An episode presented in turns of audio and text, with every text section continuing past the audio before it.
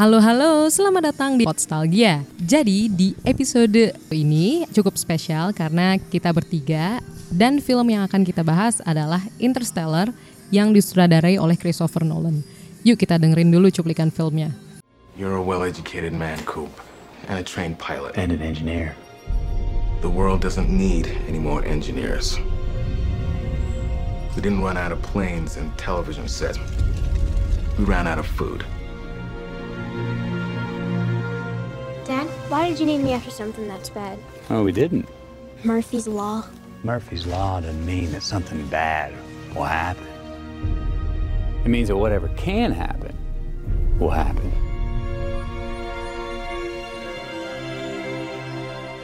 We must confront the reality that nothing in our solar system can help us.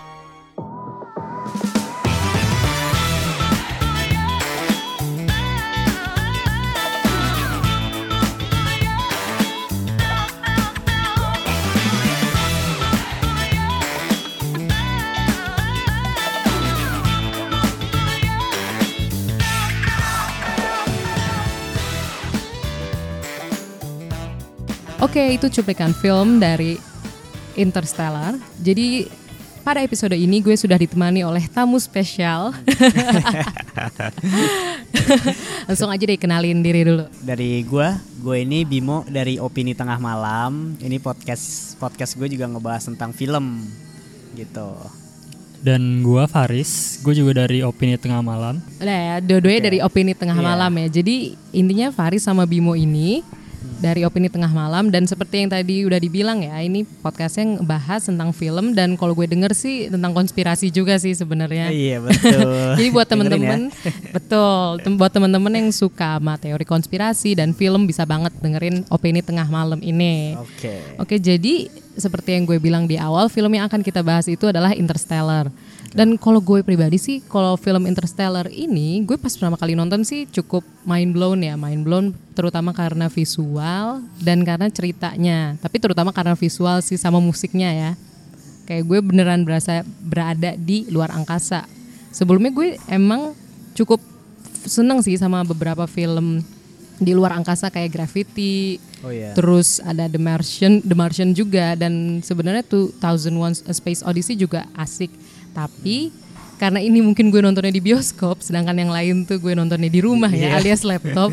jadi jadi gue kerasa banget sih feel feel bioskopnya. Gravity juga sebenarnya di bioskop, cuma entah kenapa gue lebih suka penam, penam- tampakan yang ada di Interstellar itu.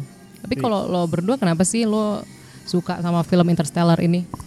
Kalau dari gue dulu ya. Gue itu kalau dibandingin sama Gravity, gue lebih suka ini Interstellar. Gue lebih suka Interstellar. Gue baru ngerasa ini bagus. Jujur, pertama itu gue nonton di bioskop. ah nggak banget gitu loh. Ini film apaan sih gitu. Tapi pas gue nonton kedua kalinya, nih disuruh Faris gitu. Dan pas tahu bener-bener inti dari plot cerita itu kayak, wah ini gila ini film. Ini film bagus banget gitu loh. Cuma emang masih ada beberapa part yang gue nggak ngerti gitu sih kalau dari gue. Kalau dari gua ya, ini menurut gua film ini film berada di nomor satu di film favorit sepanjang masa gua. Gua udah eh, udah lost count gue berapa kali nonton film ini dan apa ya? Film ini tuh eh, si Nolan di film ini kayak gabungin dua cerita dari si karakter Coop sama Murphy itu eh, bagus banget dan juga dari segi visual eh, scoring sama eh, cerita itu gue suka banget terutama gue juga suka space exploration film-film space exploration dan lain-lain Tapi Gitu kalau uh, dari Faris sendiri, film space exploration yang lo suka selain Interstellar ini apa? Tapi tetap nomor satu Interstellar ya, Iya, of all saat time. ini sih Interstellar soalnya gue belum nonton A Space Odyssey nih kebetulan Oh, iya, coba- mungkin suka juga kali ya. Mungkin. Tapi kalau selain Interstellar, apa yang lo suka? Ya tadi Dalam sih film Gravity. The Ah. Martian, terus Oh. apalagi ya film Kalau kayak Apollo, maksudnya kayak First Man yang baru. Oh ya itu gue suka banget. Oh, itu lo suka banget. Iya. Gue enggak. Gue juga gue juga nggak suka First Man. Gue nonton bareng dia juga. Gue nggak tahu nih ada dua efek. Yang pertama mungkin apa karena gue baru selesai magang, itu gue nonton paling malam bareng dia. itu capek banget jadi pas nonton tuh tidur gua setidur tidurnya Tapi kalau Faris sendiri kenapa sih suka maksudnya uh, First Man ini? Kalau yang First Man ini karena ini sih, gue yang pertama suka direkturnya. Itu director Hmm, favorit gue. Chazelle, ya. Dan dia pas di First Man ini eh, ngambil looknya First Man ini kayak mirip dokumenter gitu loh. Iya. Nah jadi kerasa real real banget kehidupannya si Neil Armstrong ini. Terus terutama pas uh, di dalam shuttle-nya, wah itu gila banget dari kamera movement yang getar-getar dan uh, sound design yang gila juga. Itu gua ngerasa kayak ikut ikut terbang ke bulan gitu loh sama Neil Armstrong itu iya, sih. Iya. Gue jadi nangkep nih mungkin kalau dari Faris kenapa suka First Man sama Interstellar juga mungkin karena space explorationnya kerasa di dua Iya, film itu. kerasa banget. Karena yang First Man jujur gue juga cukup takjub sih di bagian ketika dia di kapsul terus diputer-puter. Iya, iya, Itu gue juga berasa keputar-putar juga pas nonton. Itu gue coba yang 4DX kan. Oh iya, oh. Wah gila. itu berarti lo itu, Itu yang keberapa banget. kali First Man? eh, itu First Man-nya? yang ketiga kayaknya. Oh. Terus kemarin baru nonton lagi yang keempat di Blu-ray. Wow. Berarti emang emang lu pribadi suka banget sama space exploration Iya. ya. Cuma kalau Bimo agak capek mungkin pas nonton kondisi kurang prima ya. ya emang emang durasinya emang agak lama sih. Iya betul betul. Tapi kalau gue Interstellar juga agak lama kan. Cuma kalau Iya. dibandingin sama First Man, gue lebih enjoy banget sih Interstellar ini karena mungkin kalau First Man looknya dokumenter Iya. tadi yang seperti udah dibilang kan. Jadi itu film yang harus butuh konsentrasi penuh. Sedangkan gue kira First Man tuh bakal kerasa banget dramanya. Oh, iya, Kayak iya. di film Ah. Interstellar kan. Film Interstellar tuh kerasa drama di bagian tokoh Matthew McConaughey sama anaknya dan di space exploration yang ada Matt Damon Iya. itu apalagi di, terutama di bagian pesawat yang ada Matt Damon itu gue kaget sih ada konfliknya justru di situ Iya, iya. utamanya Dan Interstellar mungkin lebih ada actionnya daripada First Man ya. Ya gue juga lebih suka Interstellar karena ya kalau dari Interstellar sendiri nggak tahu ya. Emang lama ceritanya tuh lebih lebih kompleks gak sih. Lebih kompleks Interstellar kan. Cuma gue lebih enjoy. Nggak tahu kenapa nonton Interstellar tuh lebih enjoy karena dari dari ceritanya. Apalagi banyak menurut gue banyak scene scenes yang yang sedih banget sih. Kayak yang dia cuma ini spoiler ya jadi eh, gue cuma maksud gue yang dia dari yang ternyata anaknya udah seumuran sama dia itu kayak aduh ini ini keren banget gitu loh ngubungin nyambung nyambunginnya itu itu keren sih dari gue pribadi gitu Gue jadi setiap eh, berkali-kali nonton Inter Interstellar yang setiap keberapa lo enggak tahu gua. udah hilang hitungannya. setiap kali nonton itu selalu nangis nggak pernah nangis. Pasti nangis. wow terutama di bagian mana kalau dari lo Yang pas dia baru balik dari eh, apa sih itu namanya? yang yang- planet air. ya, ya. Nah, terus dia muter Oh. video anaknya. Itu gue sedih banget pas dia udah anaknya si siapa Tom Mm-mm. Mulai- masih inget makanya karakter-karakter ya mulai apa ngelepas ayahnya itu gila. Sedih banget. oh oke tapi kalau lo selain bagian yang tadi sentimental tadi ada bagian favorit lain gak sih Itu sih space explorationnya yang pertama yang di tadi Water Planet sama yang docking scene oh yang tapi terakhir. kalau yang spesifik itu gue jujur yang spesifik tuh ketika mulai backstabbing Oh, yang Matt Damon. Iya. Eh, ini spoiler juga ya tapi ya udahlah ya itu itu gue kaget sih gue nggak nyangka kalau filmnya bakal agak sedramatis itu Ah, itu iya, menurut iya. gue dramatis banget karena ada adegan backstabbing di sebuah ibarat itu sebuah tim kan terus me- emang sih pasti ada konflik tapi itu menurut gue cukup dahsyat sih karena kan udah menyangkut nyawa kan Iya iya. Kalau yang di Water Planet itu gue suka karena ini sih eh, intensnya kerasa banget. Kan pas di situ sedikit fun fact juga nih. Pas di situ kan eh, ternyata Water Planet itu ombak gitu kan yang bisa menghampas pesawatnya. Nah di situ si Hans Zimmer yang music scoringnya eh, masukin lagu judulnya TikTok.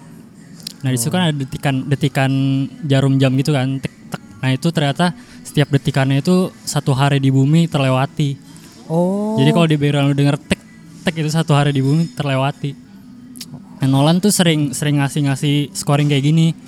Di Dunkirk juga dia sempat ngasih ada dentikan jarum jam gini. Itu buat gue dia nambahin intens kalau mereka tuh punya waktu nggak banyak di situ loh. Mereka harus cepet-cepet keluar dari planet itulah istilahnya. Itu Tapi sih. emang suasananya ini banget sih pas di situ tuh kayak mencekam gitu karena di sisi lain dia tuh pengen pengen ngambil apa? pengen ngambil beaconnya Iya si astronot yang, lama. astronot yang lama. Tapi di, uh, ada bencana itu dan makin dia lama di situ, waktu di bumi juga jalan kan. Jadi kayak masa gue nanti nanti anak gue seumuran sih sama gue tua sih itu jadi kayak tegang sih menurut gue tegang banget. Dan bener kata Faris yang pas balik-balik tuh ternyata temannya udah tua. Dia ngeliat videonya itu juga kayak itu sedih sih. Walaupun banyak dibuat memes juga kan sebenarnya. Tapi jujur kalau gue baru denger sih yang TikTok tuh sebenarnya ngelambangin waktu dia eh, maksudnya perlambangan waktu dia berjalan di bumi setiap satu detik itu berarti satu satu hari di satu bumi hari iya. gue baru tahu sih yang itu. itu kan. Wow, bahkan berarti emang kalau no- gue jujur sih emang nonton kebanyakan visual, maksudnya merhatiin visualnya dan gue nggak sama sekali nggak notice bagian TikTok itu nandain per- beda waktu, maksudnya perubahan waktu per- ber- perjalanan waktu yang berbeda ya Iya. dari di luar angkasa sama di bumi. Dan lu ngomong Dan- Dunkirk juga kan tadi kan Iya. Faris kan. Terus gue juga iya ya makanya ada setiap musik tuh yang tiba-tiba cepet banget. Iya. Ah, Ternyata iya. emang itu eh, sebenarnya juga ngebantu ngebangun cerita juga kan. Maksudnya memperlihatkan kalau memang kisah di pesawat, kisah di kapal sama kisah yang ada di pinggir pantai itu durasinya berbeda-beda. Iya betul. Dan itu ditandain sama musik ya. Iya. Wow, gue itu baru tahu sih itu. Kalau kita denger TikToknya jadi kerasa kita dibatasi oleh waktu gitu loh scene ini. Kita nggak bisa lama-lama Oh. di sini gitu. Wow, iya iya iya. Gue kayaknya harus nonton Interstellar dan Dunkirk lagi, tapi dengan perspektif ini, itu dahsyat Itu sih. juga sih yang gue suka dari Interstellar. Jadi setiap kali gue nonton, gue belajar nemuin sesuatu yang baru, nemuin sesuatu yang baru, nemuin sesuatu yang baru gitu. Bener-bener setuju sih. Nanti gue coba lagi sih. Karena gue juga jujur nggak ada yang bener-bener membekas sampai gue mau nonton lagi. Maksudnya membekas, cuma nggak mendorong gue untuk nonton lagi gitu nggak. Tapi karena gue denger yang TikTok tadi ini, gue pasti kayaknya mau coba coba lagi sih. Tapi dengan lebih memperhatikan audionya Iya. kayak gitu. Terus tapi Interstellar kan eh, sebenarnya film yang cukup eh, berat ya. Maksudnya bukan film yang untuk konsumsi ringan gitu Iya. enggak. Dan tapi kayaknya Interstellar tuh em, untuk biaya pembuatan terus untuk kayaknya box office cukup oke ya dia Oke itu. sih. Iya. Ya, jadi gue di sini ada faktanya sih. Dia punya dia budgetnya itu 160 miliar US dollar. Berapa tuh? Kurang lebih mahal banget ya. Cuma tapi pendapatannya dia juga gede banget, untung banget dia. Dan nggak kaget juga akhirnya ngas- menghasilkan film yang menurut gua jenius banget sih, fantastis gitu. Terus juga alasan gua kenapa kayak ini ini film kayaknya oke banget dan jadi bener top top 10 movie gue tuh ya lima ke atas tuh ada Interstellar gitu. Dia diperanin sama pemegang tiga Oscar. Ada siapa is? Ada Matthew McConaughey, ada Anne Hathaway sama Michael Caine. Sama Michael Caine.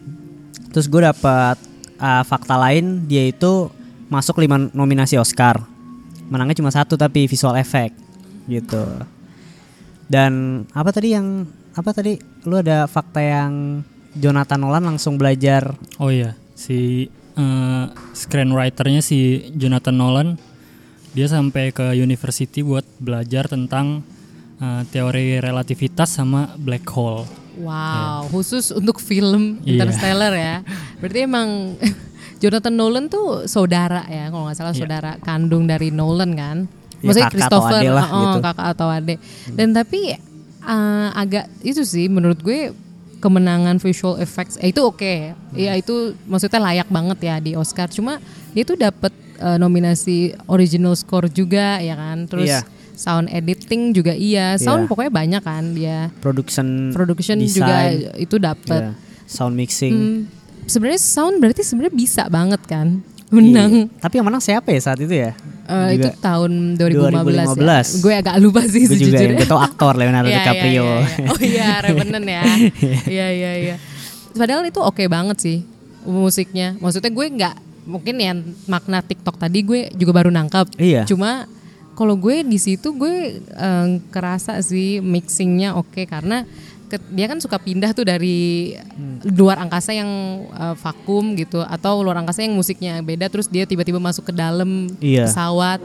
Itu kan eh, entah editing entah mixing pokoknya itu menurut gue itu ngasih sensasi yang beda sih dari editingnya itu. Iya feel yang dirasainnya juga beda lah yang di di luar angkasa sama yang di buminya kan. Iya, benar-benar dan iya setelah gue dengar lagi fakta kalau misalnya dia yang cuma dia cuma memenangkan visual effects tuh agak kaget sih. Ya, Karena mungkin saingannya gue nggak tahu sih di saat itu ya. Iya, iya, iya. Cuma kayaknya pasti lebih bagus lah gitu. Mungkin. atau mungkin ya juri-juri dari um, Academy Awards-nya lebih pro sama film yang lain itu. Iya mungkin. Gue nggak tahu sih saingannya siapa gue lupa saat iya. itu gitu. Soalnya itu 2000 2014 kan, berarti 2014. Oscar 2015. Sebenarnya ini filmnya udah lama konsepnya. Konsep itu dari tahun 2006. Hmm. Oh, lama yang, banget. Yang mau ngedirect Iya, itu iya, iya. uh, Steven Spielberg Oh gitu. bareng Jonathan Nolan. Nah, si ada adalah masalah gue nggak nggak nggak tahu sih masalahnya cuma akhirnya proyeknya berhenti tahun 2012 diserahin ke Nolan ya udah akhirnya di tangan Nolan menurut gue keren sih tapi gue nggak tahu ya kalau di tangan Steven Spielberg tuh gimana cuma gue udah perfect banget sih ini ini udah perfect banget gitu Mungkin kalau di tangan Spielberg bakal lebih kelihatan fantasinya mungkin menurut gue. ya. Iya, iya. Karena Nolan kan emang terkenal dengan realismenya kan. Dari Batman aja dia udah ah, ditunjukin Batman-nya yang bener-bener realis, nggak ada nggak ada alien sama sekali. Band bandnya aja pun itu orang biasa nggak Iya. pakai injection gitu lah. Dan menarik sih emang kalau gue setuju sama yang lo bilang kalau misalkan Steven Spielberg lebih ke fantasinya dan lebih dramatis sih pasti Iya. menurut gue lebih ke aspek dramanya jadi kisah uh, konflik antar manusianya mungkin lebih kerasa kalau misalkan Steven Spielberg kalau misalkan Nolan kan ada twistnya lah. Jadi jatuhnya agak ada action sama crime-nya dikit kan. Karena karena konflik manusianya itu bukan yang drama maksudnya dia bisa nampilin yang dramatis juga. Dari Iya. tokoh Mac- uh, Matthew McConaughey sama anaknya sama. Bagian konflik yang agak action sama crime di bagian pesawat. Jadi itu lebih kompleks sih. Dan makanya mungkin Bimo juga bilang ini em, satu kesatuan yang mantep juga. Maksudnya emang udah udah emang filmnya Nolan banget lah karena dia ngeraciknya juga lebih oke. Iya emang gue sebenarnya gue suka banget sama film ini. Salah satunya ya sutradara favorit gue sih. Apa karena sutradara favorit gue ya? Jadi semua filmnya tuh gue bilang bagus gitu. Nggak tahu sih. Cuma ya emang Nolan itu yang gue suka terkenal itu dari twist di setiap plotnya itu loh. Memento yang film itu berjalan mundur itu kayak fresh abis sih menurut gue terus Inception ide-ide gila yang akhirnya terakhirnya tuh di akhir film otak lu tuh kayak meledak gitu aja gitu loh. Itu yang gue suka dari Nolan sih. Tapi emang menurut gua eh, Nolan ini style mungkin visual style dia nggak begitu kelihatan. Cuma dari segi storytelling emang dia jago banget sih. Soalnya Interstellar kan yang sebegitu kompleksnya dia bisa eh, nyeritain ke gua sebagai penonton dan gua bisa nangkep. Hmm. Bahkan gua Iya, bukan iya. bukan bukan saintis, bukan astrofisikis, bukan astronot, tapi gua masih bisa nangkep lah seenggaknya. Gitu sih. Hmm, iya betul betul. Dan eh, iya sih kalau misalkan Bimo itu salah satu sutradara favorit. Kalau Faris favorit juga nggak? Kalau gue Nolan bukan favorit tapi Hmm. gue emang mengakui dia sebagai salah satu director yang paling oke di sekarang ini. Kalau dia Kalau- rilis pokoknya lo tunggu filmnya Iya, ya. pasti. Iya iya. Tapi favorit gue ya tadi sih Damien Chazelle sama Edgar Wright. Oh Edgar. Oh emang senengnya agak komedi. Iya sama visual komedinya oke banget. Iya, iya gue setuju sih Edgar. Dan tapi kok gue juga suka Christopher Nolan, tapi emang bukan favorit banget sih. Tapi setiap film yang dia rilis gue bakal tunggu. Iya. Kayak Dunkirk tuh gue nonton sampai dua kali. Karena karena yang pertama kan gue gue nggak tahu ini arahnya ke mana karena gue nggak baca sinopsis. Gue emang nggak biasa baca sinopsis, jadi gue nonton eh, kejutkan kejutkan gue dong, pokoknya gitu deh. Kalau gue selalu baca sih. Oh lu selalu baca Karena ya? takutnya kayak nggak ngerti gitu loh. Oh Lemot iya sih iya gue tuh iya, iya. gitu. Enggak lah. Enggak kalau gue juga lemot cuma eh, lam, baru kadang tuh film baru ketahuan di akhir gitu loh kayak yang Dunkirk kan gue baru tahu demi apa itu ada tiga cerita dengan tiga waktu yang berbeda itu udah mulai akhir-akhir. Itu keren sih ya. Itu, Itu keren banget. gitu. Tahun depan kalau nggak salah di Nolan ada lagi. Oh iya tahun Film depan lagi. ya. Cuma judulnya kayak cast-nya dia nggak ngasih tahu. Oh, Mungkin masih rahasia. Iya, gitu. iya, iya. Mungkin nanti anggota One Direction lagi ya. Kayak iya. Dunkirk.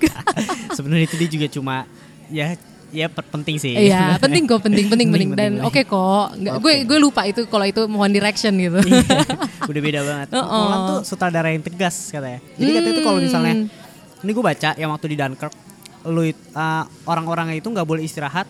Misalnya, Oh. misalnya gue nih yang lagi dapat scenes-nya, tapi orang yang lagi nunggu itu nggak boleh istirahat Oh. sampai scenes-nya itu selesai. Wah, iya iya iya iya. Gue jadi inget latihan pas kibra itu kayak iya, gitu tuh. itu mungkin yang akhirnya membuat Nolan Satu pasukan itu harus semua. filmnya bagus gitu. Iya Jadi iya iya. tersusun rapi lah gitu. Jadi semuanya tuh kerasa diproses kan, proses Iya. pembuatannya. Karena nggak, wah menarik sih. Walaupun mungkin mungkin ya nggak tahu ya kayak kru-krunya kayak aduh apaan sih orang ini nggak penting gue masih adegan selanjutnya gue harus nungguin gitu mungkin ya Iya, nggak ada yang tahu sih. nggak ada yang tahu sih cuma hasil akhirnya kan beneran oke kan ternyata Oke, oke banget. Hmm, Kayak. Interstellar. Itu film yang wajib lu pada tonton sih menurut gua.